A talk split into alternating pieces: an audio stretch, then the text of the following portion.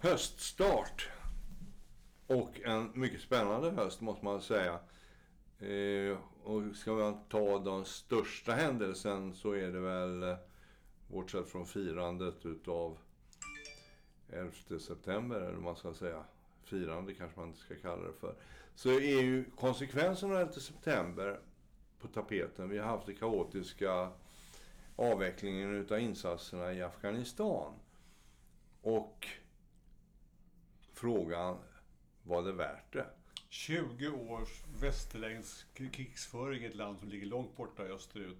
För att vi skulle göra, ja vad då egentligen? Ja, och dessutom får vi ju inte kalla det för krigföring, för det var ju inte riktigt krigföring, utan det var ju en form av pacificeringsprocess eh, med krigiska metoder. Eh, alltså, du kan ju inte få en amerikan att erkänna att de har varit i krig i eh, Afghanistan. För då har de ju förlorat ett krig. Och det vill de ju inte. Nej, alltså... De hjälpte samhället framåt. Ja, vi tog två initiativ. Det ena var att försöka hitta bin Laden och hans kompisar. Mm. Och eh, putta undan dem. Och det andra var att eh, ta bort grogrunden för jihadism och eh, terrorism och så vidare i Afghanistan genom att lyfta samhället till en mer demokratisk nivå. Och det, och det är väl så att, det får man väl ändå säga som, som försvar till någonting som ser rätt misslyckat ut just nu. Efter 20 år så drar man sig tillbaka med svansen mellan benen. Men det är klart att 20 år kan man ju gissa att just Afghanistan har ännu inte varit en en fristat för möjliga jihadister som skulle kunna sitta i lugn och ro och planera hemska saker riktade mot västvärlden. Så långt har ju det hela varit ganska bra kan man ju säga under de här 20 åren. Men det är klart att vad händer sen när de 20 åren tar slut och man säger så här, goddag nu är, nu är de 20 åren slut nu tänkte vi åka hem. Så har man ju inte ändrat någonting i grunden tyvärr. Det är väl det som är dilemmat. Äh, och då kommer den andra frågan, har vi ändrat någonting i grunden? Därför att optimisten han säger så här, ja men 20 års utbildning av kvinnor mm. går ju inte omärkt förbi ett samhälle. Kvinnor som inte har fått utbildning alls har varit mer eller mindre instängda. Får gå i flickskola, får gå mm. i universitet och så vidare. Man kan ju inte avprogrammera de kvinnorna. Nej. Man kan möjligen hota dem att inte göra någonting. Om talibanerna nu går tillbaka till, till som de var på 90-talet. Men man kan ju inte tömma deras hjärnor. Och, och i det mest optimistiska utfallet är ju det att talibanerna har fattat det här och så får kvinnorna en något bättre ställning i samhället. Och en viss, viss ökad frihet i förhållande till förra omgången så att säga. Och de här kvinnorna kommer successivt tala om för sina ungar att det är viktigt att lära sig saker och ting och det är viktigt att tänka på inte bara eh, efter Koranen utan också lite eget. Och sådär. Men sen kan det också vara så att vi själva ser lite att vi inte riktigt vet. Därför att jag kan tänka mig att det är så att talibanerna egentligen är ganska nationella. Jag tror att jag har hört någon förklaring kring det här. Talibanerna vill försäkra sig om att de regerar i Afghanistan. De är kanske inte så himla intresserade av att leka Al-Qaida eller IS. Och I så fall så blir det liksom en det blir ett trist land kanske och så småningom kanske de här kvinnokraften som du talar om, den börjar sakta verka så att det blir något mindre trist i Afghanistan. Mm. Men med talibanerna vid makten så kanske de inte är en, en, gro, en härd för för internationell terrorism. Nej. De, de kanske bara är, det, det, är en av de tråkiga länderna i världen som sakta, sakta med kvinnornas hjälp blir, går mot någonting sakta bättre. Men inte värre än så. Ja, möjligen, är, möjligen kan det vara Ja, det där är ju intressant. Och det, den kamp som är om makten i Kabul just nu, den är ju en spegling av precis det du säger. Mm. Därför då, då finns den här krigiska eh, gruppen mm. som, som eh, är mer ska vi säga, inriktad på jihad och så. Och så finns det den gruppen som har suttit i, i Qatar och förhandlat. Mm. Mm. Och så har det gått en massa rykten om att de har dödat varandra senaste veckan. Ja. Rykten som inte verkar stämma i och för sig. Men, men det, den ena gruppen där, de är ju mer internationellt orienterad och den andra gruppen är ju mer nationellt orienterad. Ja. Det, det, och, och så, att, så vinner den här, ska vi säga, gruppen som vill ha ett, eh, ordning och reda i Afghanistan. Mm. Då kommer de naturligtvis att se till att hålla tummen i ögat på IS och, li- och liknande. Mm. Så de skulle vara ett hot mot dem själva. Så att det, det är inte alls omöjligt. Men sen har vi den obekanta faktorn i alltihop det här. Och det är ju hur mycket elände ställer pakistanska underrättelsetjänsten till. Visst. För de är ju inne och styr. Om, alltså lika mycket som CIA har, har styrt runt om i världen så håller ju pakistanska underrättelsetjänsten på och styr i den här delen av världen. Mm. Och de, de är ju inte eh, så ointresserade av att ställa till oreda i Indien och i, i Iran till exempel. Så, så att, jag menar, det är en svår, svår Verkligen. om man vet lite för lite om det. Men en sak som, som, som jag tycker är intressant när det gäller Afghanistan. Va? Kommer du ihåg vår gamla kollega Sverker? Ja. Han var ju fast i Kabul och det är ju liksom 50 år sedan, eller 40 år sedan. Ja, han var där och gjorde goda saker. Ja, han byggde upp Afghanistansk Sveriges Radio. Ja, visst. Och, och när han berättade om, om Kabul, det var ju ungefär som han berättade om vilken ord, ja, ganska ordnad u-landshuvudstad som Ja, det helst. lät mer som Beirut eller något sånt Ja, precis, En spännande stad i en exotisk miljö. Ja. Och sen har det gått 50 år och nothing happened Usch. på något sätt. Det är Sorgligt. ganska sorgligt. Väldigt sorgligt. Ja. Men, men då undrar man också, vi måste ändå ta, ta upp det här. Ska västerlandet, eller ska något land överhuvudtaget, först tro att man kan införa demokrati? Det är väl förmodligen så att Irak, Afghanistan-exemplen säger oss att det är, eh, det är ingen idé att tro på det riktigt. Alltså, Alltså- det fungerar inte så. Nej, två, två saker. Det ena är ju det, du ska ju inte gå i krig som Irakkriget om du inte har en plan för freden. Nej, det Alltså, och det, det, det stora eh, problemet med det kriget var ju det att de vann ju Mm. på tre veckor istället för på tre månader.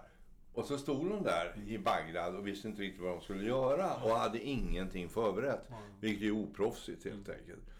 Men även om det hade varit proffsigt så är det klart att det bär västerlänningar emot att vara praktiska.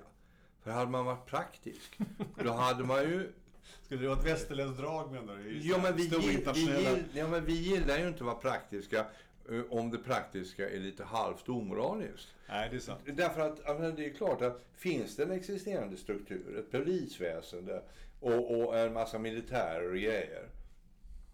Så går man ju in och säger det, hallå guys, nu är det vi som är chefer här, nu lyder ni. Mm. Och eftersom de är väldigt vana att lyda, så gör de ju det.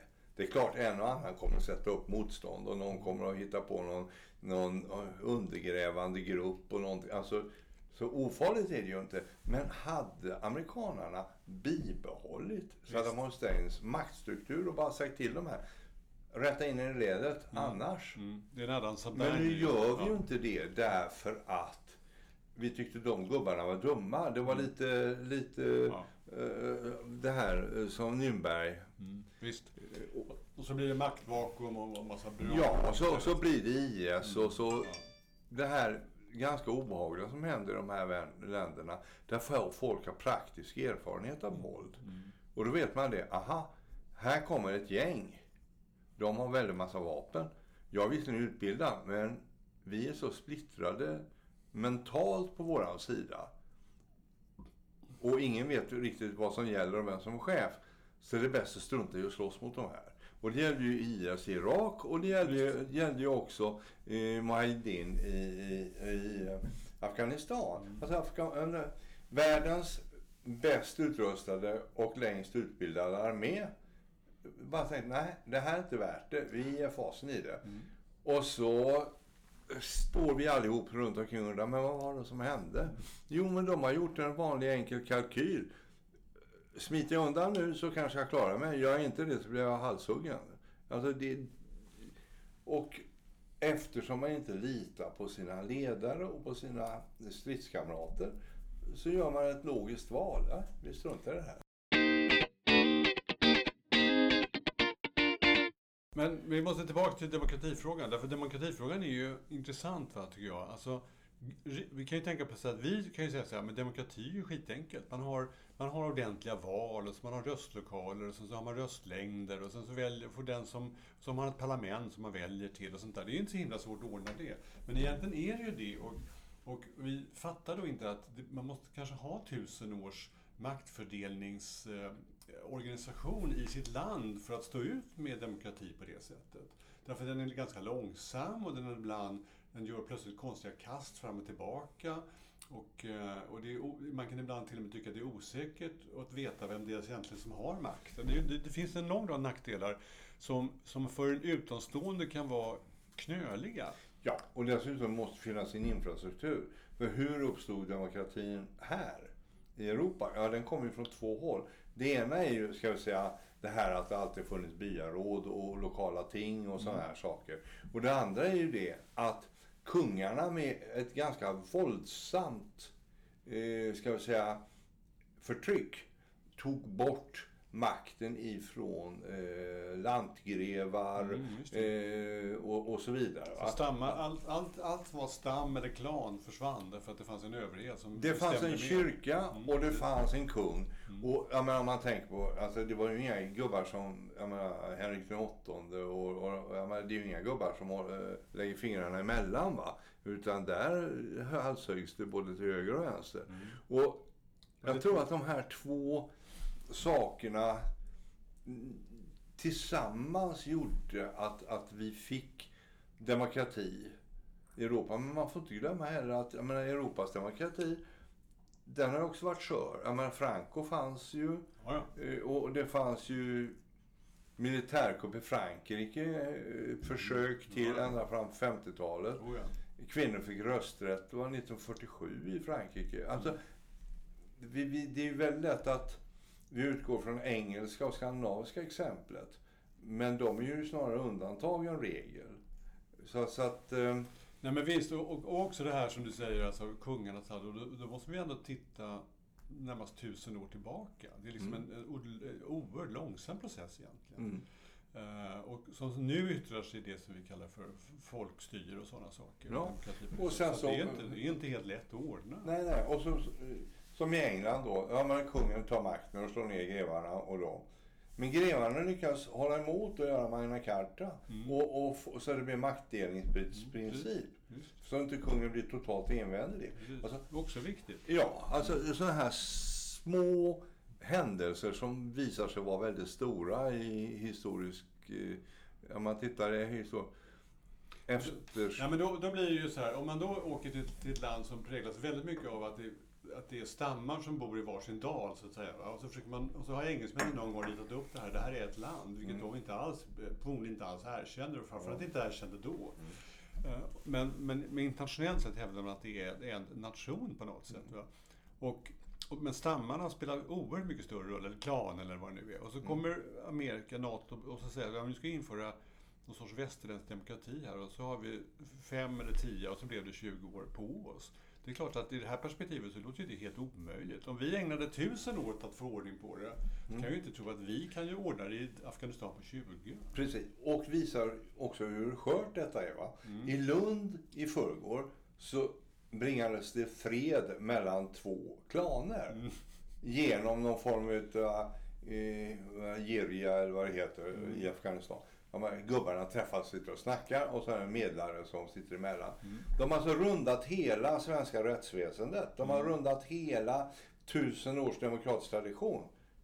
Och vi kommer inte åt det. Mm. Ja, men, och, och tidningen säger att ja, det är ganska skönt att det är fred nu. Mm. Det, det, kan man i och för sig hålla med om. Det kan man verkligen hålla med om. Men, men alltså sättet som man har rundat hela rättssamhället och demokra det demokratiska samhället är ju ganska uppseendeväckande egentligen. Och hur fort det har gått. Men, då, men alltså det säger oss då att de här um, traditionella sättet att styra och härska eller, eller uh, ha regimer är, det sitter djupt inne.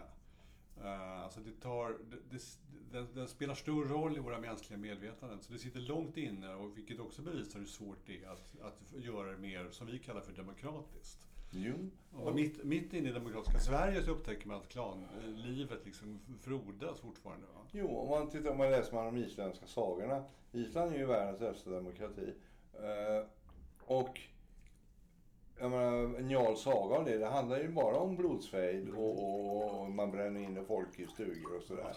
Så att, men jag, jag hade en annan idé om demokrati häromdagen. För jag, var inne i en diskussion om skillnaden på Schweiz och Sverige. Mm. Och det som jag tycker är intressant var det att, att vi, vi har på något sätt ett underskott på demokrati i Sverige i förhållande till Schweiz. Va? Vad är det som gör att Schweiz som blir tio gånger, alltså att kronan mot schweizerfrancen var 1 till 1 när jag var liten. Och nu är den 10 till 1. Och schweizarna är rika som troll. Och ganska nöjda. Vad är, det, vad, vad, vad är det som har hänt? Vad är det för skillnaden? Och då, min idé blev ungefär så här. Ett överskott på demokrati gör att det blir ett ideologiskt underskott. Alltså, Mm, ja, alltså i direktdemokratin i Schweiz har gjort en massa praktiska lösningar. Nej, vi köper inte JAS. Mm. För det är IKEA-flygplan, färdigt med det. Alltså, medan vi eh, som har en representativ demokrati, där får ideologierna en mycket större betydelse. Därför att valet blir en mycket större demokratisk Ja, pilsner. Och, och det där är rätt intressant. Va? Hur, hur eh, det påverkar ett samhälle. För Sverige är ju ett väldigt vitalt samhälle, dynamiskt samhälle. Det händer jäkligt mycket här. Mm. Och vi bråkar väldigt mycket med varandra. I, I alla fall i pressen. Mm. Schweiz är ju ett extremt tråkigt samhälle. Där går de till jobbet och så eh, samlar de kulor. Alltså, det skulle vara jäkligt intressant att göra en form av sociologisk studie av demokratins betydelse. Eh, alltså direktdemokratins betydelse i att avdramatisera eh, ideologier. Eh, jo, men, men det är sant. Men, men jag, måste, ehm, jag skulle vilja gå vidare med Afghanistan på ett annat sätt. Om man kan inte låta bli att tänka så här. Om, låt oss säga att, USA och NATO sa så här, sa det vi egentligen säger idag. Ja, men det där är dumt och dumt att tro att vi kan förändra det där landet. Och, utan vi struntar i det här. Vi, vi letar upp de som har begått de här hemska attentaten i USA. Men vi, vi håller, inte på med Afghanistan. Det är, det är för mycket, för krångligt. Så låt, hade man låtit det vara. Då hade Afghanistan varit talibanstyrt i 20 år. Mm. Eh, och så hade Osama bin Laden varit där med kompaner. Så kanske han hade blivit ihjälslagen av amerikanerna på något sätt i alla fall. Men frågan är hur, hur, hade, hur hade situationen varit? Nu har vi just konstaterat att det kan ju vara så att talibanerna en, en fraktion av talibanerna kanske inte blir så farliga, men det vet vi ju inte. Som det såg ut just då så såg det ändå ut som att det kanske ändå var, fick vara en hemvist för just Usama bin Laden och liknande. Och i så fall så hade det kunnat vara lite bökigt kanske. Men, men jag tycker ändå vi måste tänka oss in i situationen att ingenting hade blivit gjort från västmakterna förutom att amerikanerna hade försökt leta upp Osama bin Ladins hem och skjutit sönder det med en drönare. Ja, det hade ju naturligtvis ur afghanska befolkningens synpunkt inneburit att färre människor hade dött Mm. i alltså, collateral damage på grund av strider och annat. Och man hade gått miste om 20 år utav utbildning av kvinnor. Mm. Eh, men eh, hade det västerländska samvetet stått ut med att lämna ett land vind för våg? Hade vi inte haft Sida och UNHCR och allting sånt där och väldigt massa bistånd och grejer som både hade hjälpt befolkningen men också understött den odemokratiska regimen. Ja, så. Det, alltså, och då, då hamnar vi i ett nytt sånt här moraliskt dilemma. Ska man... Ja, man kanske ska langa in en jäkla massa mat till Nordkorea för befolkningens skull. Men Precis, man säger att ja, men de här pengarna hamnar hos, eh, hos rätt personer och sånt där. Vilket, Ja. vilket kan man ju säga, det är ju en, det är en um, sanning verkligen som glider på sanningen måste jag säga. Alltså ja, det, och- så måste man ta den moraliska eh, ställningen. Ja, nej, men vi låter några folk, fotbollsspelande tjejer bli hängda. Därför att vi låter det där gänget hålla på och sköta sitt land som de själva gör. Alltså det är en moraliskt väldigt svår, eh, svår beslut. Frågan är om det finns ett annat alternativ och det är det att köra ett land som västmakterna körde Västtyskland, eller, ja, Västtyskland efter andra världskriget. mm, Därför att då var, väst, då var alliansen, alltså engelsmännen och amerikanerna och fransmännen så moraliskt överlägsna. Så de kunde tala om för tyskarna vad det var som gällde. Alltså det lades inga fingrar emellan. Det togs ingen hänsyn till några eh, ska jag säga, klanledare eller, eller så. Utan det, var ju, det var ju liksom ett ganska hårt styre mellan 1945 och 1955 Men tror inte i du att, Tyskland. Men tror inte du att det inte, är inte en sån, eh, är inte en sån bild som amerikanare har haft i Afghanistan? Tror du inte det?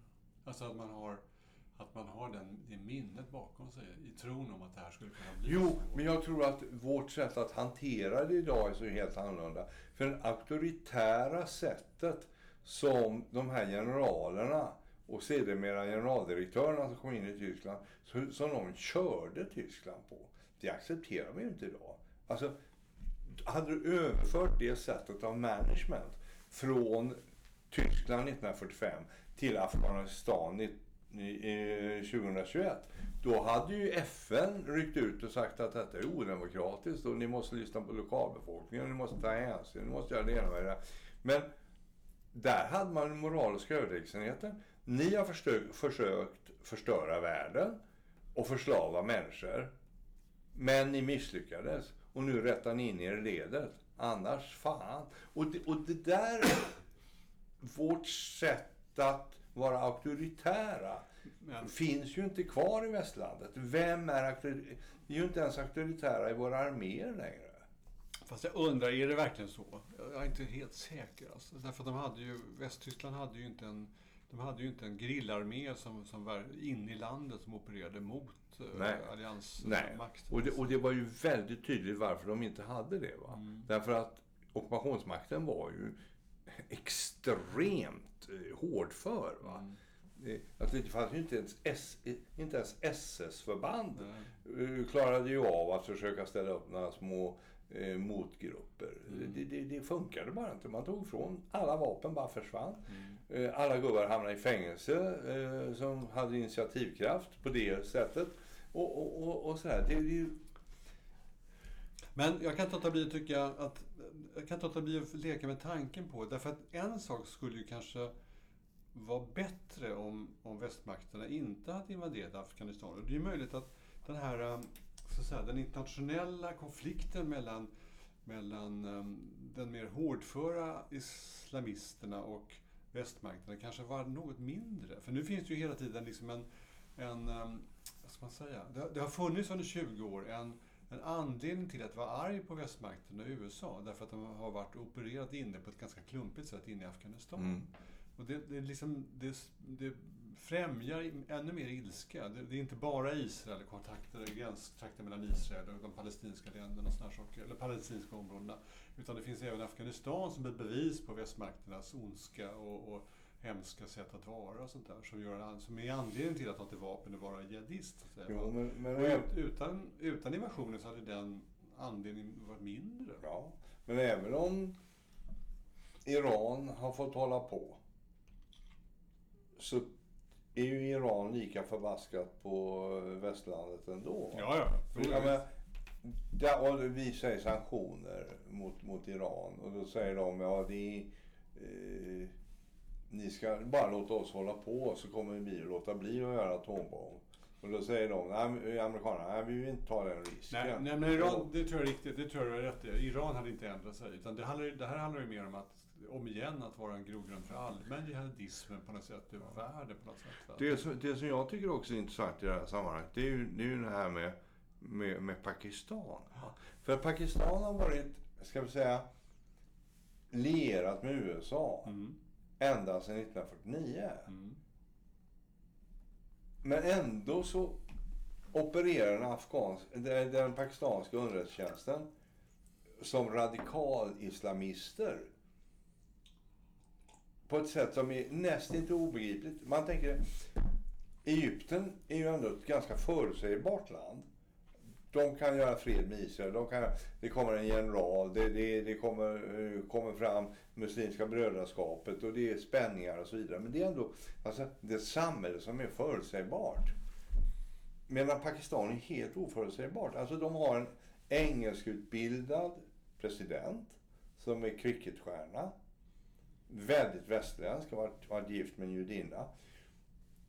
De har eh, en armé som är Amerikautbildad. Och så har de en underrättelsetjänst som är ungefär som Al-Qaida. Mm. Det är väldigt, väldigt märkligt. Så har de atombomber. vilket- Och så har de atombomben som är som lök på att det är laxen. ex, extremt Och, och jag tycker vi, när vi tittar på de här länderna så under, alltså vi kan för lite om Pakistan. Mm. Ja, men så är det nog. Men det, men det syns ju tydligt hur västmakterna lutar sig, alltså går tillbaka till Indien. Så för att Indien och Sovjet, eh, all, pakten är liksom upplöst på något sätt. Ja. Så, och vi tyr oss till Indien. Vi ser, vi ser där våra Jo, partner egentligen i den där delen av världen. Och det håller ju engelsmännen på med nu. Just det här, de gjorde upp med amerikanerna och australiensarna nu i veckan till fransmännens ilska så att säga. Men där försöker man ju dra in Indien i den försvarsalliansen också. Och, och eh, eh, ja, det är ju en anti-Kina-allians helt enkelt. Mm. Och att vi inte litar på Pakistan riktigt. Alltså. Nej, och Ja. Pakistan har ju dessutom, de har ju det där jättestora sidenvägsprojektet Mm. med Indien. Ja, ja. Eller med, med kineserna som ska ju bygga... Ja, kineserna bygger ju egentligen en motorväg hela vägen ner från, från Xinjiang till, till eh, kust, indiska oceanen. Men tillbaks till Afghanistan. Alltså, det, den här maktkampen som, som du beskriver, den låter ju rimlig och vi vet inte riktigt utgången av den. Men man kan ju gissa att den pågår därför att det skulle man kanske våga tro om den här typen av land. Att de, de har jävligt svårt att sätta sig i ett läge där man eh, helt enkelt kompromissar. Utan det kommer bli, eh, det kommer bli bråk internt. Vi vi gissar att det finns olika fraktioner och de har de lär, sig inte, de lär sig inte regera tillsammans utan de kommer förmodligen bekämpa varandra. Ja. Där kommer det bli rätt bökigt. Det är de gamla vanliga diplomaterna som varit utomlands och haft det bra mot soldaterna som varit hemma och slagits. Mm. Det är ju alltid en spänning och sen så har du spänning mellan pashtuner och, och eh, andra folkgrupper och klaner och så vidare. Det är ju, det är, det är ju väldigt mångdimensionellt schack det här. Det är ju ingen... Och norra alliansen och, och eh, kommer det att bli igen som det var i slutet utav gam- förra talibanstyret att det blir norra alliansen och USA mot, mot talibanerna och så vidare. Och, och nu verkar det ju som om det upproret i, i, I dalen där. i dalen, Mm. det, det, det är ju mer eller mindre avvecklat på Ja. grund av Pakistan också. Men, men norra alliansen finns ju som idé Mm. och som demografisk företeelse med uigurer och annat. Sen undrar jag så här, om, om, om västlandet slutar med bi, bistånd, alltså, och det låter som ändå gör det, då ett land som till 40% består av biståndspengar, den ekonomin kommer ju ramla ihop om inte biståndet fortsätter. Och hur gör man då, även om man är, har vunnit så att säga, hur, gör man då, hur sköter man ett sådant land överhuvudtaget? Och, och sen är det nästa fråga, om stor del av inkomsterna till talibanerna består av opiumodlingar, Mm och om den vägen spärras också så har de inga pengar överhuvudtaget. Och hur fan gör man? Hur blir, hur blir Taliban, eller hur blir ett talibanstyrt Afghanistan i så fall? Ja, men räddningen är ju Kina. För Kina behöver ju jordartsmetaller, de behöver ja, kobolt, de behöver koppar, de behöver... Alltså, det är ju ett extremt mineralrikt land. Så det är det som kommer att bli det. Afghanistan tvingas till slut. De har, de har pengarna i slut och det finns ingen... Och då, kommer de, då lirar de sig med Ja, men det blir väl som kineserna gör i Afrika. Ja. Man mutar eh, ledningarna och så får man bygga upp kinesiska enklaver som utvinner naturresurserna. Mm. Och så får eh, ska jag säga, befolkningen leva på trickle down-pengar och, från de här rika domarna som kineserna sprider och eh, bistånd från Västeuropa. Det, det, ehm, ja, det tror jag att biståndet ändå... Vi kommer ändå fortsätta. Vi kom, alltså, kan företräda Svenska Afghankommittén lägger ner sitt jobb efter för 50 år. Alltså det finns ju inte på kartan. Alltså, att, att, att Röda Korset skulle sluta ge, eller Röda Halvmånen skulle sluta ge matpaket. Alltså, vi är ju inte sådana människor längre. Vi, det är av två skäl. Dels därför att vi är rädda för att folk börjar flytta på sig om de inte får käk. Och det andra är därför vi helt, enkelt inte gillar folk som svälter. Vi, vi tycker det är synd om folk. Ja, utvecklingen är eh, svårbedömd och tyvärr ser den inte så jävla kul ut egentligen. Nej, man hoppas bara att de afghanska tjejerna får spela fotboll. Ja.